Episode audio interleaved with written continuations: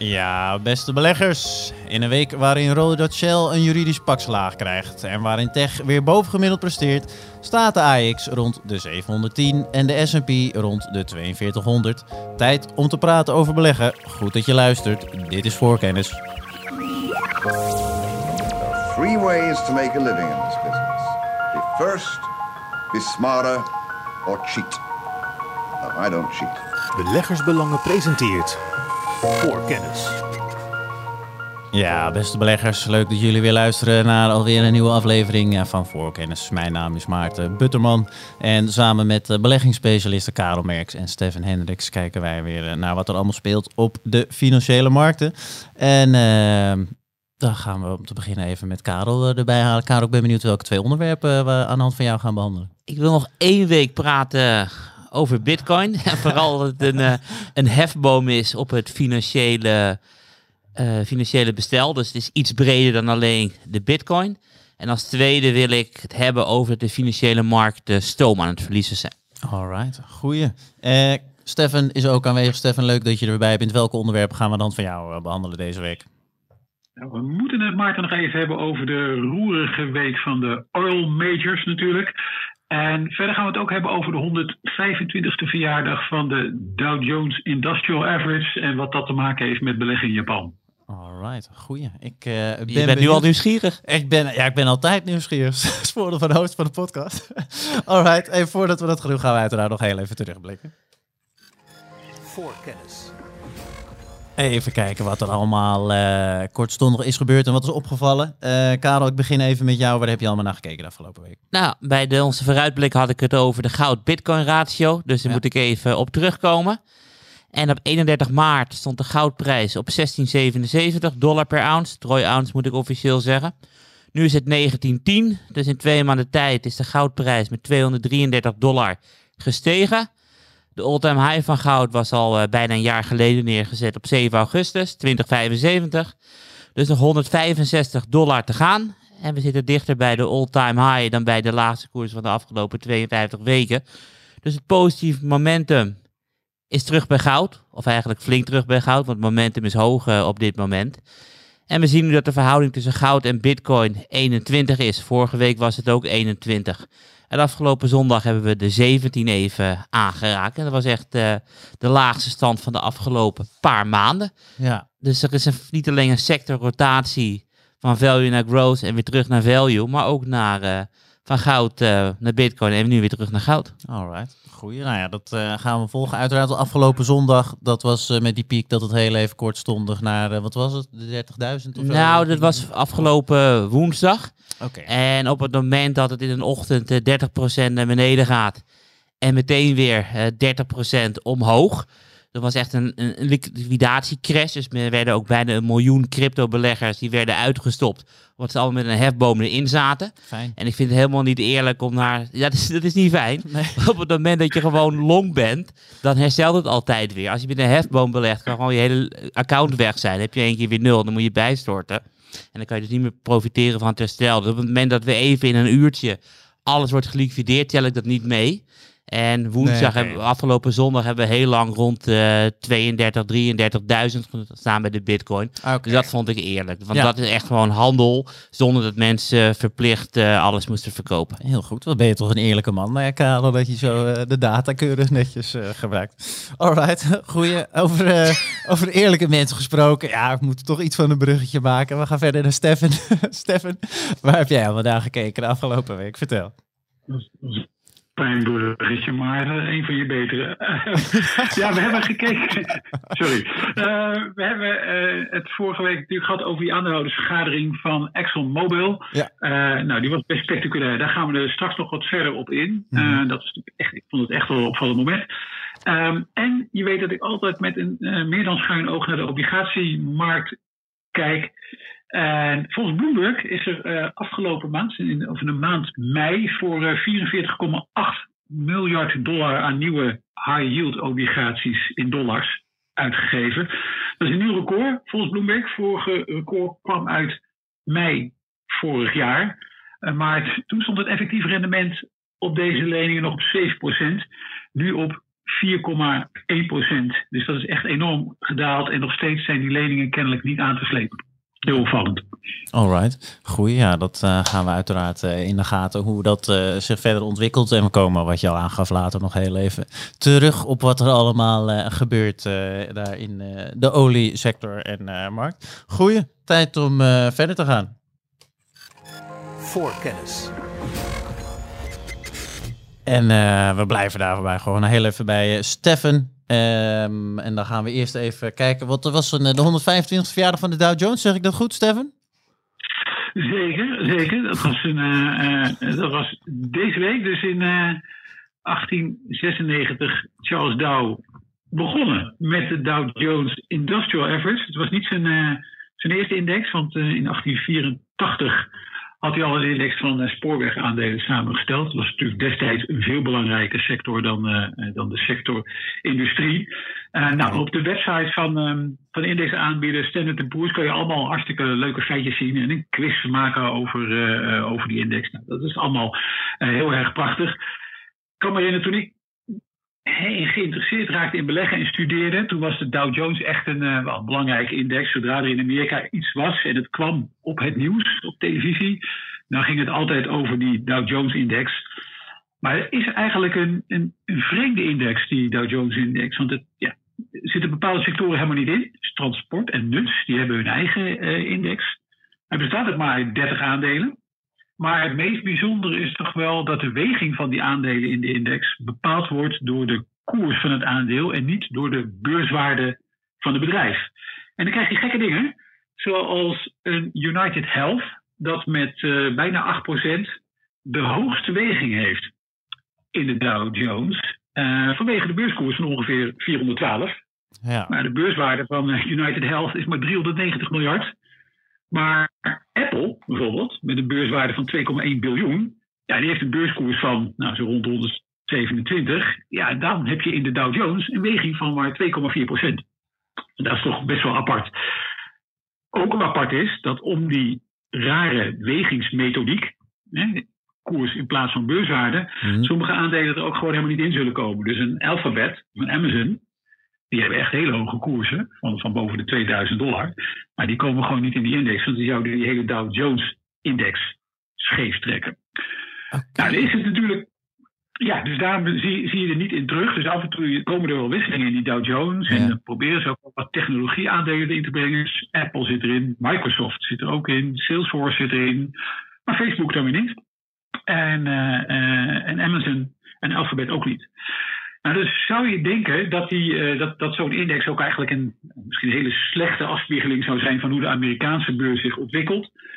Dat valt op zich wel mee. Je hebt wel verschillende rendementen met bijvoorbeeld de SP 500-index. Dat is eigenlijk de Amerikaanse uh, beursindex.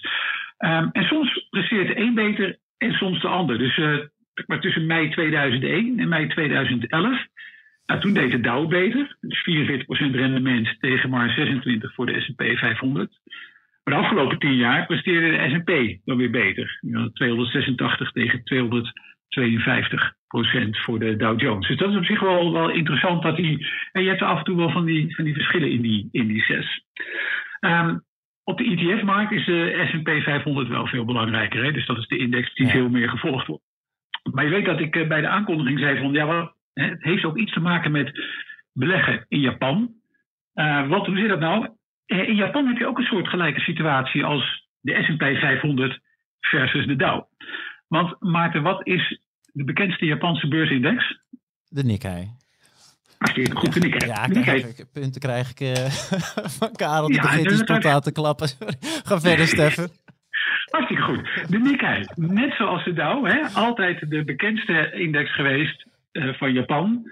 Maar de Nikkei, die werkt eigenlijk op dezelfde basis als de Dow. Dus ook daar worden aandelen gewogen op basis van hun beurskoers. Dus wat zie je dan? Dat Fast Retailing, bedrijf dat ik nog niet zo heel goed kende, heeft daar de grootste weging in de Nikkei-index van uh, ongeveer 11%. En dat komt omdat ze een koers hebben van 88.000 yen. Maar Toyota, dat is echt veel groter, ja. Ja, die heeft een koers van nog, nog geen 9000 yen. En dan een weging van 1,1% in die Nikkei. Ja. maar, maar je hebt ook zeg maar, de SP 500-index van Japan, dat is de Topix. En daar is Toyota met een weging van 3,4% dan wel weer het grootste aandeel uit die index. Dus dat is, je krijgt dan echte verschillen. Uh, en dan moet je als ETF-belegger ook wel een beetje rekening mee houden. Want er zijn uh, ETF's op de markt die zowel de Topix volgen als de Nikkei 225. Dus nee, die, die hele verjaardag van de Dow Jones is toch nog maar weer eens een herinnering dat je als, uh, als belegger altijd heel erg goed moet letten op hoe, hoe een index is samengesteld, wat voor regels er zijn. Ja, en volgens mij is het belangrijkste, Maarten, dat geen enkele index vergelijkbaar is.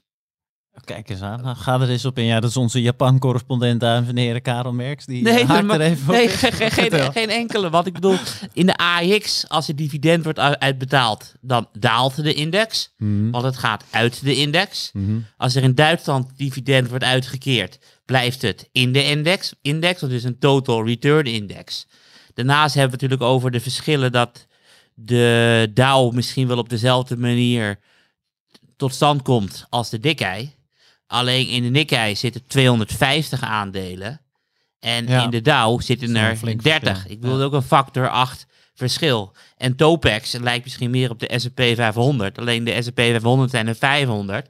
Ja. En Topex zijn er meer dan 1000. Veel meer dan 1000. Oké, en Dus, dus, er is- dus er zijn geen indices waar je zegt, hey, dit is precies hetzelfde. En mocht je naar heel veel zoeken een index vinden met evenveel aandelen, wat ik bedoel, Nederlandse AX is 25, België is eh 20, eh Kakkeral is hoeveel? 40. Heel goed, maar heel scherp. Zit in er. Oftewel, eh, de, de aantallen verschillen niet alleen, maar ook, Ja. we hebben het nog niet eens over de verschillende sectoren gehad. Nee, Dus geen enkele index is met elkaar te vergelijken. nee ja, goeie inderdaad. Oh, maar hebben jullie toevallig nog een, een favoriete index? Ja, Voor wat? ja, mag gewoon uit het vuist bedenken één. Of is het niet zo 1, 2, 3 eh, te zeggen? Nou, die volg ik toch wel het graagst van allemaal. Nou, ik heb niet een favor ja, favoriete index, maar dat klinkt ook een beetje apart. Ja. Wat ik wel een interessante index, index vind, we hebben het wel eens eh, volgens mij gehad over innovatieve healthcare bedrijven. Ja. Ehm, en dus heb je de eh, Stocks Global Breakthrough Healthcare Index. Dat is al eh, een, heel lang, een heel lang woord, maar daar zit er is een gelijkgewogen index met aandelen die eh, bovengemiddeld deel van de omzet behalen uit met doorbraken in de sector gezondheidszorg. Dus Ah, dat kunnen medicijnen zijn, maar ook medische technologie. Nou, daar zitten echt heel veel interessante aandelen in. Het is wel een, een, een- ook een ETF waar ik naar kijk. Maar de reden waarom ik ook over die Dow begon en ook over die Nikkei is inderdaad, je moet heel, heel erg goed letten op de, op de index die je volgt. En voor de Verenigde Staten maakt het niet zo heel veel uit. Want, die, die index-ETF-strijd is wel, voor zover het ooit een strijd was, gewonnen door de S&P 500. Hè. Als je breed in de Verenigde Staten wil beleggen in de allergrootste bedrijven, dan, dan pak je gewoon logischerwijs de S&P 500. En je kunt het ook zien bij het beheerd vermogen van die ETF's op de S&P 500 is ook veel groter. Maar als je nou nog wat in Japan wil doen, dan zul je wel zien dat daar verschillende producten worden aangeboden. De, de Topix we het over hadden bij de Nikkei 225. En om het makkelijk te maken kom ik ook nog wel eens producten tegen op de MSCI Japan Index. Dus je moet altijd even goed kijken waar je belegt. Ja, alright. Nou ja, goeie. We houden het erin. Ja, en Japan het is toch een, een paar keer voorbij gekomen al deze podcast. Het schijnt steeds interessanter te zijn. En ook Menno, die heeft er eh, heel veel eh, interessante dividend Ja, aandelen. natuurlijk. je moet, ik bedoel, Japan heeft het wereldrecord koers-winstverhouding in handen. De, de Cape Ratio, oftewel de gemiddelde waardering met 10 winsten, is daar meer dan 90 geweest, 94. Dus geen enkel land ter wereld is ooit zo duur geweest als Japan. Alleen wat is er de afgelopen 30 jaar gebeurd? Is het 30 jaar? Ja, 30 jaar sinds 89. Is die waardering is alleen maar naar beneden gekomen, naar beneden gekomen, naar beneden gekomen. En kijk je naar vanaf 1990 in Europa en in China, maar ook eh, de Verenigde Staten, is de waardering sinds 1990 alleen maar hoger geworden. Dus niet alleen relatief goedkoop aan het worden, maar ook absoluut goedkoop aan het worden. Dus vandaar dat steeds meer beleggers zich eh, richten op Japan. En ook dat het steeds vaker bij ons eh, voorkomt. En Ja. Menno zit zelfs volgens mij te kijken om misschien een Japans dividendaandeel op te nemen in de dividendportefeuille. In ieder Ja. geval doet er onderzoek naar. Ja, Dus het wordt steeds eh, aantrekkelijker. alright, alright. Dus je hoort dat nog wel een paar keer horen, maar Ja, nee, ja, prima. We komen er eh, zeker eh, op terug. Ook de luisteraars eh, kunnen er niet omheen. Alright, hey, goeie Stefan. Leuk, we gaan het eh, volgen. Voorkennis. En uh, nog uiteraard uh, bedankt voor die mooie toevoeging van een, uh, niet de favoriete index, maar misschien de meest interessante. Dat was inderdaad wel een lekkere nuance. Alright, hey, we hebben nog een aantal andere leuke onderwerpen op de plank liggen. en daarvoor gaan we naar Karel. En Karel, jij wil het onder andere hebben over de bitcoin. Vertel. Klopt, nog één weekje. Ik zal het kort en krachtig houden. Want de bitcoin, als we even uitzoomen op de grafiek, dan valt op hoe hoog Bitcoin gecorreleerd is met aandelen. En ik wil er drie momenten bij pakken van de afgelopen paar jaar. Dit is 17 december 2017. De Bitcoin stond op 20.000. Uh, dit is uh, eh, 14 december 2018. Toen was de Bitcoin gecrashed naar 3000. Oftewel even 80% wat er vanaf ging. En de laatste was de laatste all-time high, 14 april, Bitcoin 65.000. En als we dan gaan vergelijken met, uh, met aandelen. Op 28 uh, januari 2018, dat is dus een maandje nadat Bitcoin de 20.000 uh, bereikte, had de wereldwijde aandelenmarkt een totale waarde van 87 biljoen. Dat is 87.000 keer een miljard, dus echt een enorm bedrag. En aan het eind van het jaar, 26 december, waren alle aandelen nog maar 67 biljoen waard. Oftewel, wereldwijde aandelen verloren in 2018 23% van hun beurswaarde. En dit was twee weken na de absolute bodem van de 3000 uh, in Bitcoin. En we hadden dus een all-time high op, uh, op 14 april. En vorige week hadden we nog een, uh, een all-time aandelen, all-time high op 115 biljoen. En als je dan kijkt wanneer de laatste rally van aandelen begon, dat was dus na de Amerikaanse verkiezingen en dat Pfizer-vaccin uh, goede testresultaten liet zien. Toen ging Bitcoin ging ook uh, oh, sterk omhoog, want toen stonden we nog op 10.000. Dus het ging maal 6. Dus ik zie Bitcoin als een hefboom op het huidige uh, beursklimaat. En aandelen zijn hoger gewaardeerd dan de afgelopen jaren. En het is uh, een risico voor de bitcoin. En het dalen van de bitcoin is daarmee ook een risico voor de aandelenbelegger. Alright. Want uh, even, was, ik hoorde een paar keer maar dat de bitcoin als eerste uh, naar beneden ja, gaat klopt. of juist omhoog. Dus hij loopt eerste. ook voor. Het ja, loopt okay. ook echt ja, voor. Dat is mijn, mijn belangrijkste punt.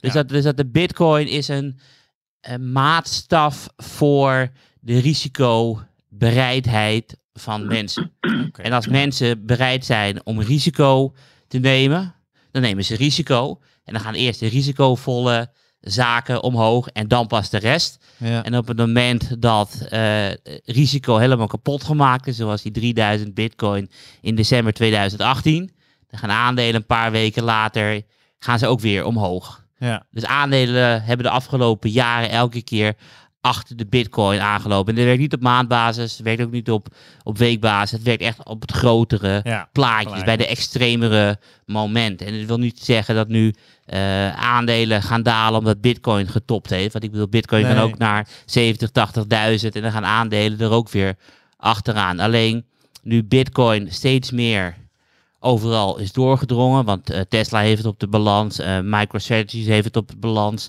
Square heeft het op het balans. En er zijn steeds meer S&P 500 bedrijven die het op de balans hebben. Ja. Dus ja, hoe meer het geïntegreerd raakt, hoe meer de correlatie ook zal toenemen. Alright. En wat dat betreft is het een risico dus dat de bitcoin een duidelijke top heeft neergezet. Precies op het moment van de IPO van Coinbase. Oké, grappig. Leuk feitje, die wist ik nog niet. Stefan, jij uh, hoestte jij heel subtiel op een gegeven moment uh, als een hint uh, door Karel heen?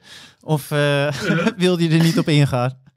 Nee, nee, nee, dan had, dan had ik waarschijnlijk heel hard iets in de microfoon geroepen. Als ik door, nee, nee ik, moest, ik moest gewoon even hoesten. Oké. um, nee, het is wel interessant wat Karel noemde. De, de vraag is altijd natuurlijk, um, correlatie is niet noodzakelijkerwijs, wijst dat ook op een, op een echt verband tussen twee. Dus dat de twee uh, datareeksen dezelfde kant op bewegen, waarvan de een net iets eerder is dan de ander. Ja, ik wil nog niet zeggen dat, dat er ook daadwerkelijk een verband is. Je zou het verband hier misschien kunnen leggen met um, een nieuwe groep beleggers die bereid is extra risico te nemen. Uh, dat in eerste instantie dat risico uitdrukt in bitcoin of in andere crypto's. Um, waarna je dat ook enigszins op de aandelenmarkt terugziet. Wat wel, uh, denk ik, de komende maanden en jaren steeds interessanter wordt, is dat natuurlijk die, die crypto's ook een wat eigen leven zullen gaan leiden, bijvoorbeeld eh, in hun relatie tot allerlei toezichthouders. Want dat is ook iets wat Bitcoin natuurlijk heel erg gaat beïnvloeden. En wat dan misschien helemaal niet zoveel meer te maken heeft met hoeveel risico wil je nemen op de aandelenmarkt en hoe, hoe is het sentiment van beleggers. Nou, misschien veel meer te maken heeft met wat willen nou eigenlijk de regelgevende autoriteiten met die bitcoin? Welke plek moet die bitcoin straks hebben in ons uh, financieel-economisch systeem? Uh, en correct me if I'm wrong, Karel, want jij zit hier veel meer in dan ik. Maar op het moment dat de Chinese overheid iets zegt, of wat, ik heb, wat heb ik nog meegekregen, de Zuid-Koreaanse uh, overheid die er iets over zegt, daar reageren die koersen van die crypto's daar wel op. Misschien even los van wat er zich daadwerkelijk op de aandelenmarkt ook afspeelt. Dat klopt. En het was niet alleen uh, Zuid-Korea en China, maar natuurlijk ook een paar weken geleden Turkije gehad. Omdat Bitcoin natuurlijk een ideaal middel is om geld het land uit te smokkelen. Uh, dus het wordt erop. Er komen reacties op, ja. Maar ja, zonder meer. Nou, het is wel grappig te zien inderdaad hoe steeds groter de impact zal zijn van overheden op uh, de koers die bitcoin en andere cryptovaluta uiteraard uh, gaan lopen. Maar het is voor nu inderdaad op zich een hele leuke indicator om in de gaten te houden wat betreft de risicobereidheid van beleggers natuurlijk. Ik bedoel, des te hoger zo'n volatiel belegging staat, des te meer risico er genomen wordt. Ja, dat is op zich een logica waar uh, die te begrijpen valt. Alright, goeie. Zijn er nog uh, dingen die eraan komen wat betreft bitcoin, dingen waar je op let, uh, die eventueel de boel kunnen sturen? Of is het lastig te voorspellen? Dat soort dingen? Oeh, ik laat mij verrassen. Ja, alright. Ik dacht, alright. Nou, weet je, Maarten, ja. waar, waar ik wel steeds meer op let, zijn allerlei uitspraken van bijvoorbeeld centrale bankiers uit met name dan de westerse wereld, maar ook China, mm -hmm. over hoe de vorderingen zijn van digitale versies van de munten zoals we die nu kennen. Ja. Uh, en, ik, en, en ik denk dat die centrale bankiers nu ook gewoon bezig zijn met het tijdpad. Wanneer uh, uh, moeten we dat rond hebben? En nogmaals, wat ik al eerder zei, wat betekent dat voor de plek van Bitcoin erin? En wat voor regelgeving gaan we in die tussenliggende periode nog uitrollen voor die crypto's? Ik heb, ik heb geen idee, maar het zijn iedere keer wel. Je ziet dat centrale bankiers daar steeds meer ook in het openbaar over praten over wat ze precies willen met een digitale munt. Maar dat zal denk ik ook nog wel ergens, ja, nogmaals, Karel zit hier dieper in dan ik, maar ergens ook nog wel consequenties kunnen hebben misschien voor het, voor het gebruik van crypto's. Ja, ja, we hebben het al een paar keer hierover gehad. Want ik bedoel, wanneer komt de regelgeving uh, versneld eraan? Dat is wanneer er 100.000 op de borden komt. Want dan wordt er opeens haast gemaakt. Ja. Want dan wordt het een te groot uh, risico. En we hebben het er ook over gehad dat het voordeel van een centrale bankmunt is. Dat je kan zeggen van ja, geef die binnen een maand uit, want anders verdwijnt die. Want nu worden heel veel steunprogramma's in de Verenigde Staten worden ook gebruikt om schulden af te lossen. Dat is niet de bedoeling, je moet het uitgeven. Ja. En we hebben natuurlijk ook een paar, misschien wel tien afleveringen geleden over gehad. Dat we gewoon straks een centrale bankmunt hebben. Dan kunnen we zeggen van ja, Stefan iets iets ouder dan Maarten. Dus Maarten heeft een positieve rente op spaargeld en Stefan een negatieve. En dan kan je allemaal van dat soort dingen doen. En dat is op zich wel het hele... De mogelijkheden zijn eindeloos. Eindeloos. Ja. Alleen de vraag is, moeten we dat willen? Dus ik kijk wel heel nieuwsgierig uit waar we over vijf jaar staan. Ja. En ik denk dat niemand een idee heeft. Alleen ik geloof totaal niet dat de bitcoin echt de euro of de dollar zal vervangen. Want wat is het meest opvallende aan de bitcoin? Het is dat het, al, dat het deflatoire is. Want er komen maar zelden nieuwe bitcoins bij. Bitcoins zijn straks gemaximaliseerd op 21 miljoen. Er zijn al een paar miljoen zijn er al verdwenen door laptops die zijn kwijtgeraakt of die niet meer opgestart kunnen worden. Oftewel, je hebt een deflatoire wind. En als bedrijven straks denken van ja, we kunnen meer geld verdienen door bitcoins te hoddelen dan te investeren. Uh, en de economie draait niet goed met deflatie. Dus er zit ergens zit er ook een natuurlijke grens. Alright, nou ja, goed. Nou, we gaan het uh, in de gaten houden voordat we te ver van de, de, originele stelling van Bitcoin is een hefboom op het huidige beursklimaat uh, aflopen. Maar uh, goeie, we houden het uh, in de gaten. Wat een goede host ben je ook, hè, Maarten? Ja, zo nu en dan. Voor kennis. Wel zo heel erg nu en dan. Laten we niet overdrijven, uiteraard. En over goede host gesproken. Uh, ik wil daar Jan nog heel even danken voor zijn mailtje. Rare voorkennis.beleggersbelangen.nl uh, We kunnen er niet in de show op ingaan, want we hebben het al eens een keer eerder behandeld. Maar ik stuur jou even de mail, Jan. En leuk dat je altijd luistert.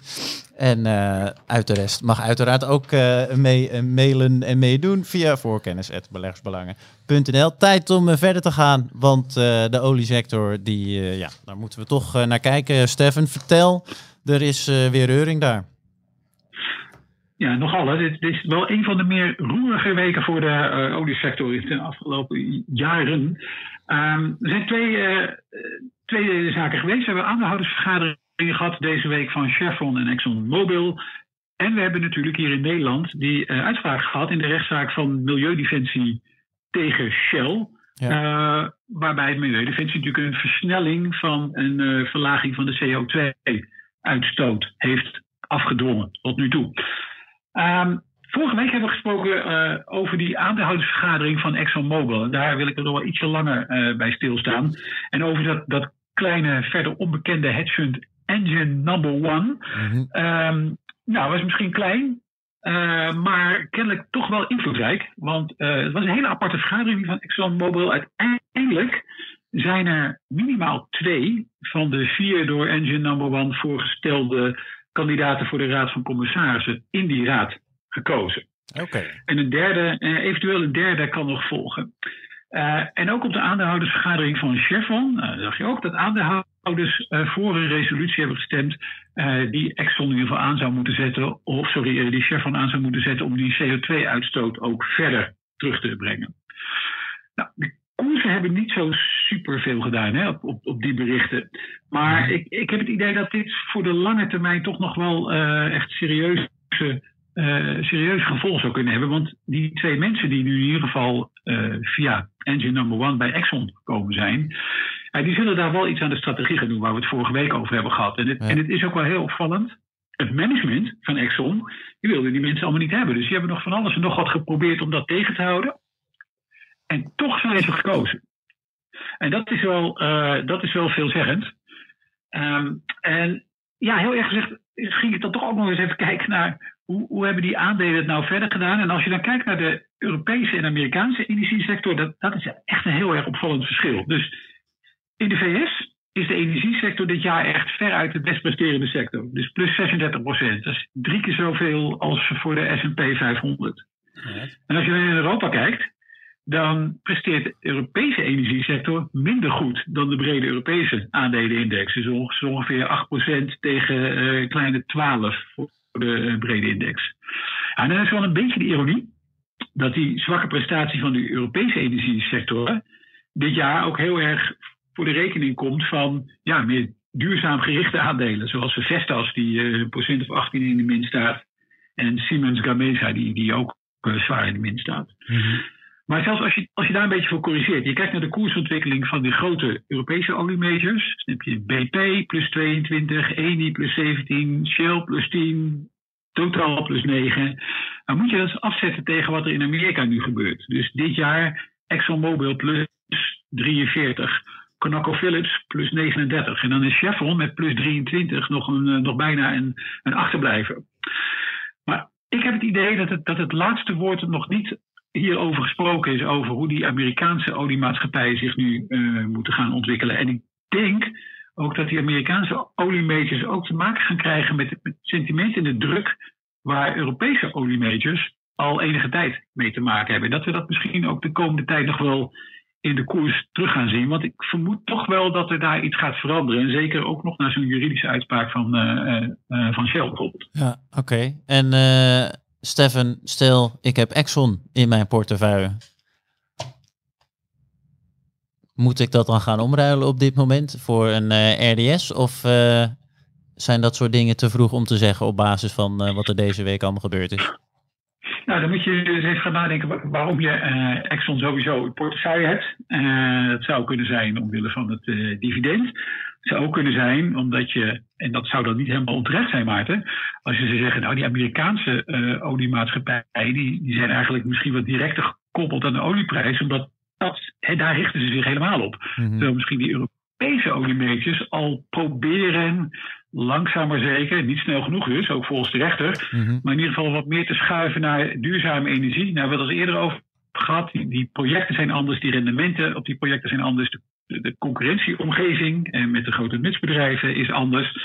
Um, nou, laat ik even vanuit uh, Chevron bekijken, uh, Maarten, die hebben wij in de hoogdividendportefeuille zitten. Ja. ja, dat, is wel, dat is wel een aandeel wat ik nu de komende tijd ga volgen. Wat, wat voor strategische plannen zij nu gaan uitrollen.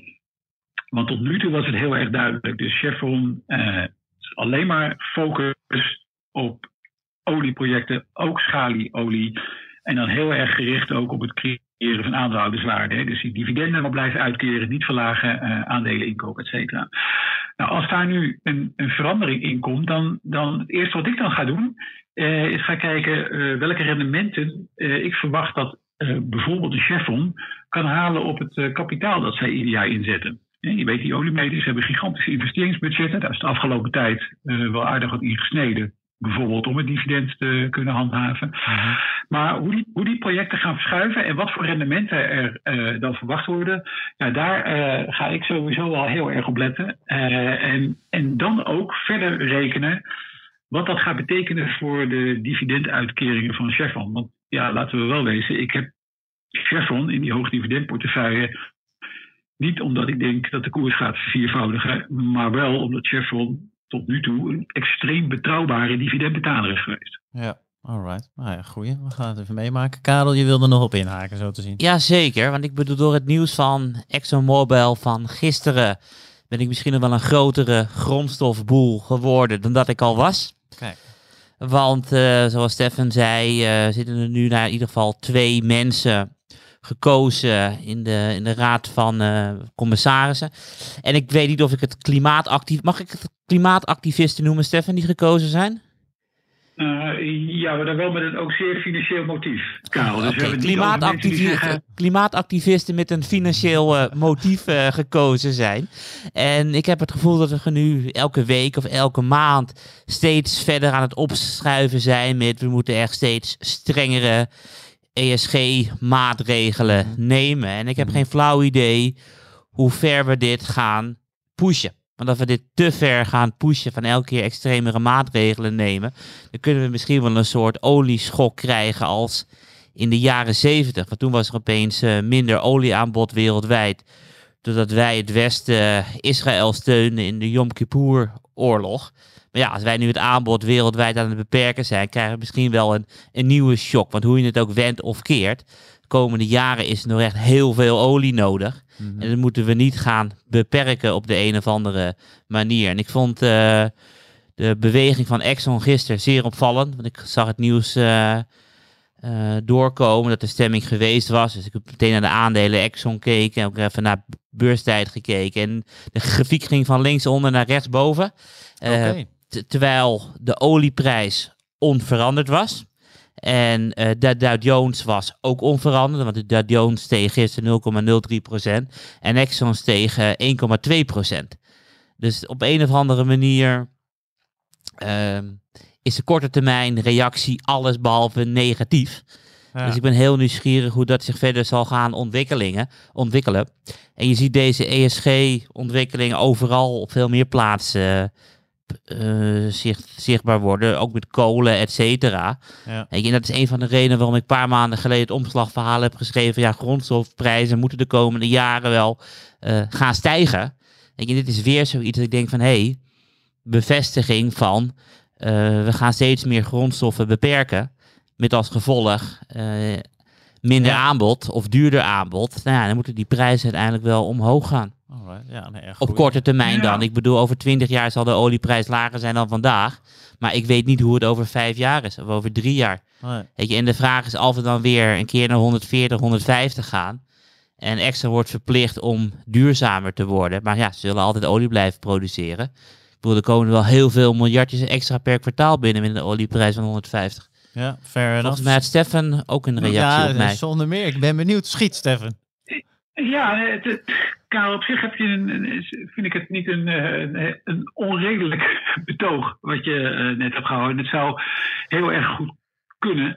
Die korte termijn reactie zegt maar overigens verder helemaal niets hè, op uh, wat, wat Exxon daar deed. Uh, omdat de lange termijn consequenties van als ehm, de kapitaaluitgaven van Exxon, hè, de investeringen, naar hele andere projecten gaan, dan ga je dat ook zeker op termijn in de aandelenkoers terugzien. Dus, dus dat laat ik maar even een beetje liggen. Wat interessant is, is natuurlijk wat we hebben het opnieuw over regelgeving. Ik heb het vermoeden dat de overheid uh, een wat grotere rol gaat spelen, ook in het leven van ons beleggers.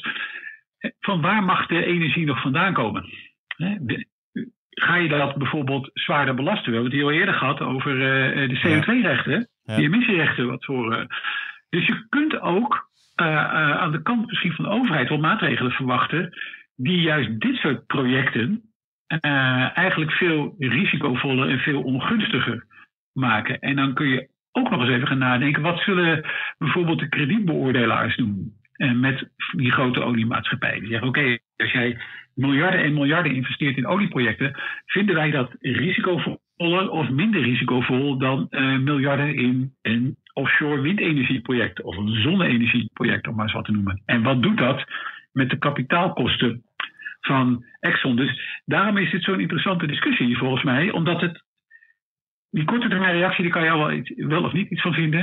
Um, maar, dit, maar dit is een thema dat nog heel erg lang doorgaat. En dat ook wel voor veranderingen bij die bedrijven gaat zorgen. Ook veranderingen in de uh, kapitaaluitgaven, veranderingen ook denk ik in de kosten van uh, eigen en vreemdvermogen voor die bedrijven, die we misschien nu nog niet helemaal kunnen overzien. Nee. Nee, ik zat zelf uh, deze week zat te denken, zoals technologie echt een overkoepelend ding is voor elk bedrijf geworden op de aandelenmarkt.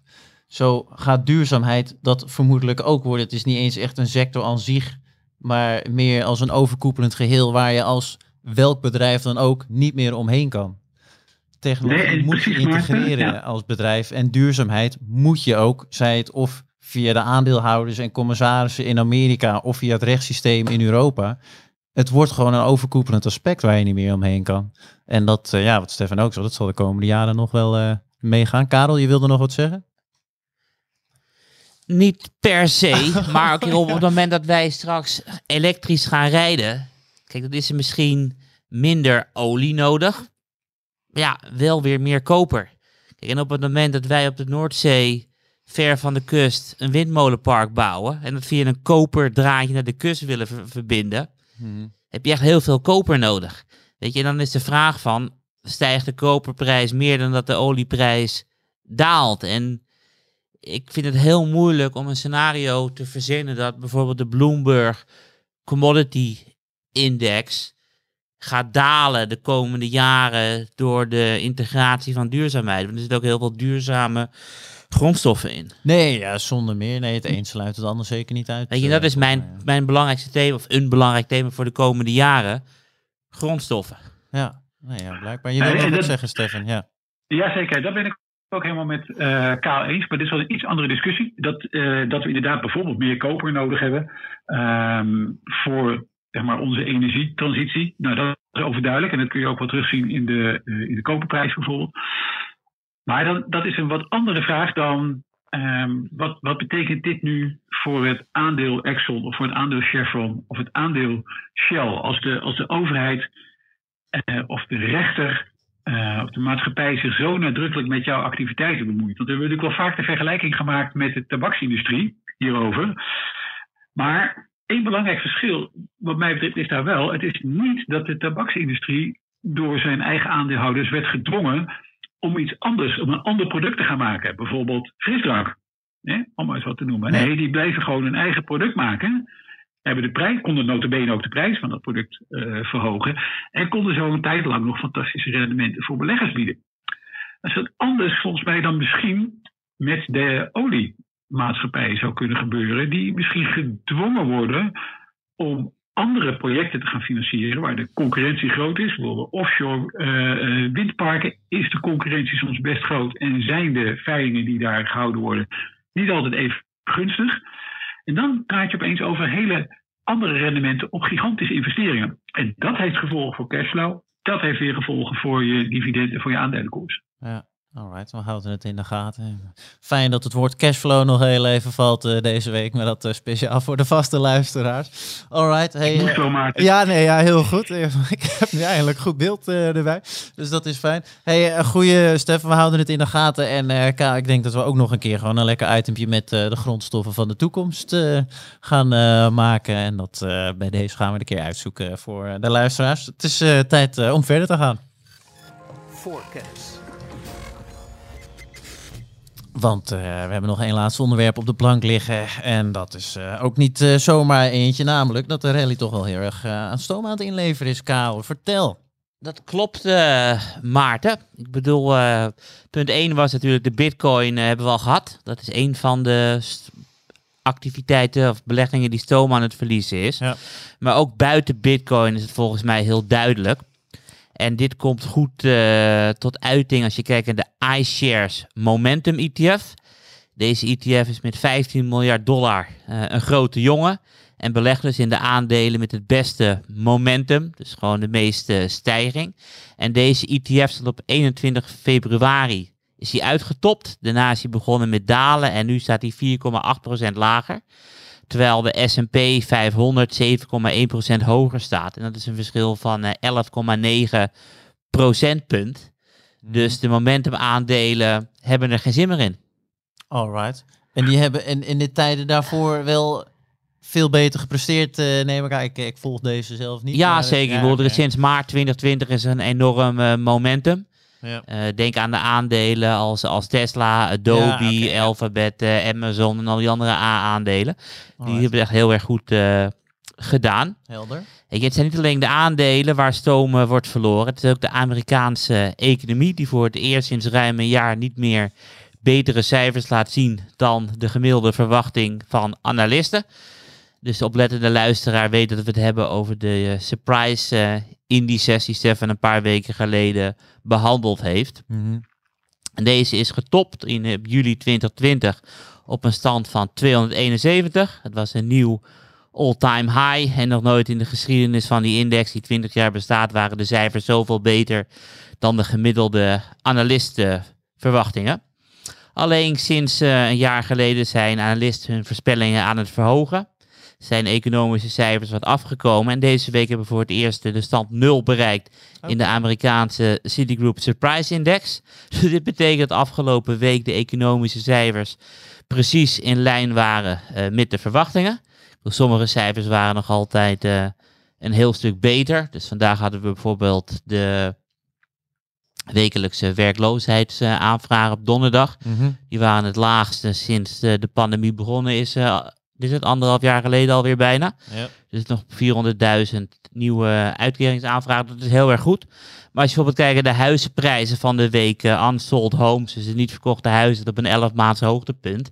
Dus dat viel dan wel weer tegen. Dat sommige huizen nu eh, niet verkocht worden. Mhm. En daarnaast eh, maak ik me wel zorgen over van hoe groot zal de opgespaarde vraag zijn in de tweede helft van eh, 2021. Want de Federal Reserve geeft ook elke week data van de totale Amerikaanse creditcardschuld. En deze is dit jaar al alweer afgenomen met, eh, met 6%. En op het moment dat mensen hun schulden gaan aflossen, is dat negatief voor de economische activiteit. Want je kan het beter uitgeven, is het idee. ja. Op korte termijn, toch? Ja, op korte termijn. Ja, oké, helder. Ja, ja, ja, klopt. En daarnaast, waar we het vorige week ook over hadden, zijn er steeds meer ongelukken aan het gebeuren op de financiële markten. Dat zijn die vier eh, heftige koersbewegingen, maar we hebben natuurlijk ook Archegos Capital gehad, dat zich opblies. En eh, die onrust, die zie je dus nu op, eh, op steeds meer plekken. En Stefan noemde het al eventjes aan het begin van de uitzending. We hebben ook een Dow Jones Transport Index. Ja. Nou ja, die laat dus al eh, twee lagere toppen zien in de afgelopen maand. Dus de Dow Jones stijgt verder. En de transportindex niet. En het idee van meneer Dow eh, 125 jaar geleden was dat de Dow Jones en de transportindex elkaar moeten bevestigen. Want Ja. de industrials maken ehm, goederen. En die goederen moeten worden vervoerd door de transportbedrijven. En als de transportbedrijven niet goed presteren, dan worden er waarschijnlijk minder goederen geproduceerd. En dan zijn ze niet eh, in, eh, in lijn. En het is nu minder heftig dan vroeger, omdat we ook softwarebedrijven hebben als Salesforce die in de Dow zitten. Maar volgens sommigen is het nog een belangrijke indicator om er naar te kijken. Ja. En wat me daarnaast ook is opgevallen is dat de vraag naar veilige obligaties aan het toenemen is. Dus eh, een paar maanden geleden had begon de sectorrotatie, was iedereen bang voor stijgende rentes, et cetera. En de move, die voor obligaties is wat de fix is eh, voor aandelen, die is afgelopen weken eh, sterk gedaald. Van 75 in maart naar eh, 52 nu. En dat is precies eh, de gemiddelde stand van de afgelopen 52 weken. En die vraag naar obligaties is ook wel een teken dat er wat stoom wordt verloren.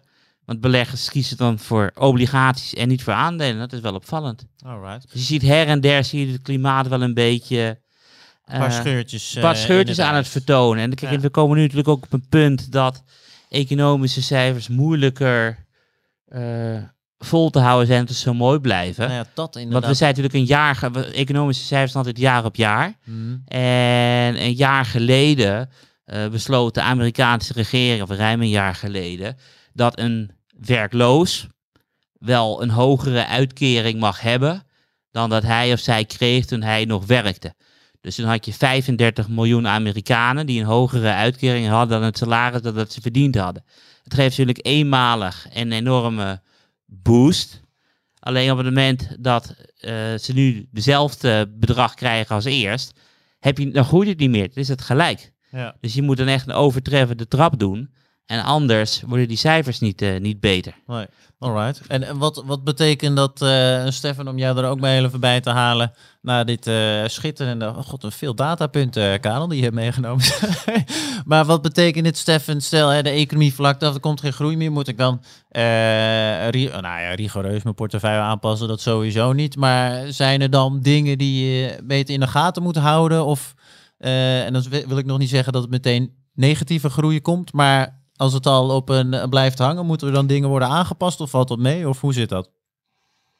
Nou ja, wat dan zou kunnen, maar is dat die, die grote trek naar waardeaandelen, zoals dat dan wordt genoemd. Ja. Hè? Dus aandelen die, die niet alleen laag gewaardeerd zijn, maar bijvoorbeeld ook nog eens bovengemiddeld van een aantrekkende economie kunnen profiteren. Dat dat soort aandelen dan misschien wat minder in trek zijn. Nou, hoe vaak is in deze podcast van die de naam Aperam eh, gevallen? Ja, Ook een 37 aandeel, dat- keer. 37 Ja, keer, dat zie je ja, heel kijk. goed, goed, goed. Nou, dan gaan we daar nog een paar keer bij doen. En ook, ook Aperam eh maakt staat niet meer op zijn hoogste koers ooit. Is ook wat, of in ieder geval de hoogste koers van de afgelopen zoveel jaar. Die is ook allemaal wat afgevlakt. Betekent eigenlijk dat, de- dat die groep aandelen, als, als het scenario van Karel eh, uit zou komen, dan is het eh, juist die groep aandelen waarvan we het gedacht, nou die kunnen misschien als die economie maar blijft aantrekken, als we eh, allemaal gevaccineerd zijn en we, we hervatten eigenlijk weer ons gebruikelijke patroon, ons gebruikelijke bestedingspatroon, zijn dit de aandelen die daarvan gaan profiteren. En of het nou eh, vliegtuigmaatschappijen zijn, tolweg-exploitanten, staalproducenten, et cetera. Nou, dat, eh, dat zou dan stil kunnen vallen, maar het, het is nog steeds een enorm open vraag. Het zou ook gewoon een soort pauze kunnen zijn eh, nu. Hè. De, lang- de lange rente Ja. is wel wat, wat gedaald. Ook van zijn hoogste punt eh, in eh, een paar jaar weer teruggekomen. Ehm, het, is, het is wel een apart scenario dan. Als het, dan, dan gaat eigenlijk alles weer, bijna zou je kunnen zeggen, in de omgekeerde richting. En dan, als de rente laag blijft en de inflatie is weer lager, dan zou je misschien weer meer in de groeiaandelen van deze wereld moeten zitten. Dus dan zouden opeens de, nee, veel, de Facebooks, de Amazons en allerlei andere groeiaandelen weer aan, aan- aantrekkelijker moeten worden. Maar ik moet ook wel, ja, het is op de financiële markt ook af en toe eh, nooit goed of het deugt niet natuurlijk. Want ja. Ja. op het moment dat de economie hard aantrekt. En je denkt, ja, dat is goed. Hè, we worden allemaal gevaccineerd. We gaan er weer eh, op uit. We gaan weer meer besteden. Dat is goed voor de, eh, voor de groei. Ja, dan stijgt de inflatie. Dan worden een heleboel beleggers daar weer nerveus van. Van, oh, een hogere inflatie betekent een hogere rente. Betekent eigenlijk een soort tegenwind voor de aandelenmarkt. En nu is dat proces weer een beetje omgedraaid. Dus de rente is weer wat lager. Nou, wie ik weet niet wat de inflatie zal gaan doen, maar dat zullen we eh, de komende dagen gaan we dat ook weer zien krijgen. Ja, dan, dan is er daar weer enige nervositeit over. Ja. En wat ik Ja. ook wel weer opvallend vond, is van deze week hebben we voor het eerst het woord tapering gehoord. Eh, niet rechtstreeks van de Fed, maar mensen van de Fed die op dit moment geen eh, stemrecht hebben. En tapering is het afbouwen van de steunmaatregelen. En we hebben natuurlijk ook tapering gehad eh, na eh, QE1, QE2 en QE3. En wat grappig was bij QE1, 2, 3 en de QE die begonnen is in, eh, in maart 2020, is dat tijdens al deze vier QE'en de rente steeg. Maar bij de tapering daalde de rente juist. Dus nu heb je tapering en de rente daalt. Dus ik ben ook wel heel nieuwsgierig uh, of dit patroon nog in stand blijft. Alright, nou ja, goeie. We gaan het volgen. En voor jou, uh, Karel, omdat jij toch uh, degene was die even aangeeft dat er helemaal wat stoom aan het verlies. Heb jij nog iets veranderd in je beleggingen of visie over beleggingen? Of is het ook voor jou nog altijd te vroeg? Nee, dus ik, ik praat meer over hoe ik nu naar het klimaat ja. kijk. En Prima, deze ja. ideeën zijn bij mij ontstaan op eigenlijk op 31 maart. Dat is heel concreet. Okay. Ja, klopt. Naar het aflopen van het eerste kwartaal uh, dacht ik van, hey, bitcoin eruit. Ik heb onder andere staatsobligaties verhoogd van een procent of 10 naar een procent of 20. En, en om hierop in te spelen. Dus nu praat ik gewoon hoe ik uh, mijn huidige kijk op de wereld zich aan het uh, ontwikkelen is. Oh, ja, prima, nee, een fijne extra duiding nog. Hartstikke goed. Leuk uh, onderwerp, We gaan het verder volgen, uiteraard. Voorkennis. En daarmee komen we bijna aan het einde van de uitzending. Gaan we alleen uiteraard nog heel even kijken naar uh, waar de heren uh, beleggingsspecialisten naar kijken de komende week. En uh, Karel, daarvoor begin ik met jou. Vertel, is er nog iets dat je op je netvlies hebt? Voor het eerst sinds 19 verschillende afleveringen, dit is volgens mij aflevering 19, heb ik echt niks bijzonders waar ik naar uitkijk. Okay. Ik bedoel, ik kijk hoe de koersen bewegen, wat, wat het nieuws is. En... Ja, nee, ja, heel goed. Dat kan ook natuurlijk. Ja, je kijkt natuurlijk uit naar de nieuwe podcast van uh, Voorkennis uh, volgende week. Maar, Uiteraard. Uh, wie zei, ben ik ook weer te gast? Ja. Ik mag dan weer terugkomen. Ja hoor, dat mag. Oh, dankjewel, Maarten. Wat ook een sociale vriend ben je ook, hè? Hey, Stefan, heb jij toch uh, iets waar je naar uh, vooruit kijkt? Uh, ik kan me een beetje het sentiment van elkaar voorstellen. We zitten in een soort van vacuüm. Dus je hebt niet zo heel veel bedrijfscijfers meer. Nee. macrocijfers is wat rustig. Waar ik wel naar uitkijk is de, toch een beetje de nasleep van waar we het over hebben gehad. wat, hoe die oliebedrijven nu gaan reageren. Ja. Dus er komen dan na, hè, na die aandeelhoudersvergadering komen de persberichten uit van uh, Sheriff van, van Exxon. Van nou, zo is er gestemd nou ja, dan moet er op een gegeven moment een reactie komen. Wat gaan we daar eigenlijk als eh, bedrijf mee doen? Um, en ik ben ook wel benieuwd, ik zie ook wel weer meer berichten komen over toezichthouders die misschien strenger zouden moeten zijn, willen zijn voor uh, techbedrijven. Het thema waar we het al, uh, ook deze uitzending al eerder over hebben gehad.